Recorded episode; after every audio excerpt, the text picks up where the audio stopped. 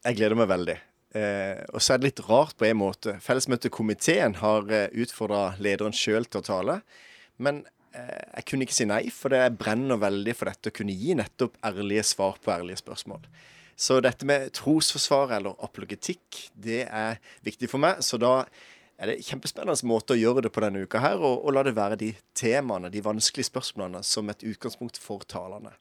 Men hvorfor er det disse ærlige svarene på ærlige spørsmål, og disse vanskelige spørsmålene, hvorfor er det dette dere ønsker å sette på dagsordenen nå i år?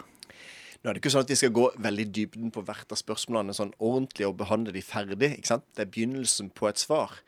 Men det å ta utgangspunkt i de spørsmålene som både kristne og mennesker som er mer kirkefremmede, stiller, eh, hvis vi tar utgangspunkt i de og ikke er redd for de, eh, viser at det er rom for spørsmålene, så er det en fin måte å kanskje gjøre folk nysgjerrig, men også vise at det fins gode svar i møte med disse spørsmålene. Du skal sjøl tale på tre møter. Du har tre av disse ærlige, vanskelige spørsmålene. Er det fornuftig å tro på Gud? Kan vi tro på en god Gud med så mye vondt i verden? Og kanskje det største av alt, hva er meningen med livet? Hvordan har det vært nå når du skal forberede deg mot disse møtene, og har disse spørsmålene som, som, det du skal snakke om? På en måte så handler det om eh, jeg har ofte blitt grilla som kristen rundt forbi, og, da kan du få sånne spørsmål på direkten. Så egentlig på en måte er det lettere å få det på direkten. For når du skal forberede deg, så må du liksom må, Det kreves enda litt mer. Men, men samtidig så, så, holder jeg også på med en bok hvor jeg tar utgangspunkt i mange av disse spørsmålene. Hvor jeg gir mine 17 grunner til at jeg er kristen. Og da er det bl.a. noen av disse tematikkene som kommer, kommer eh, inn der. Så jeg har jobba grundig med det.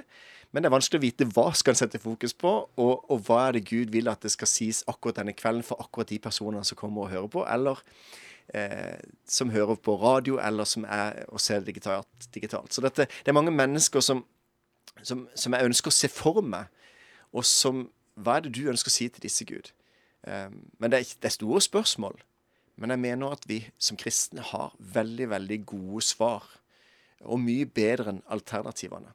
Så Derfor er jeg frimodig i, i møte med disse vanskelige spørsmålene. Fellesmøtene går av stabelen 10. til 15. januar. Møte hver kveld klokka halv åtte. Kan møte opp før det om en eh, er i Kristiansand. Ellers så blir det jo sendt på Kanal 10 på video, og òg her på Petro. Når en da er rett foran oppstarten av en ny runde fellesmøte, hva er på en måte det som en, en tenker mest på? Hvor, hvor, ligger spenningen? Hvor ligger forventningene? Nei, nå gleder jeg meg først og fremst til at vi kan møtes igjen. Eh, fordi at de to siste årene har vært digitale fellesmøter.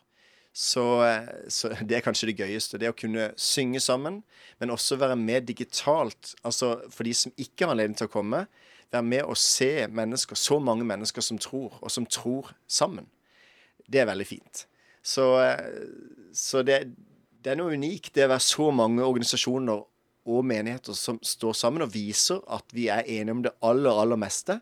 For av og til så opplever jeg at mange utenfra tror at vi krangler om alt hele tida.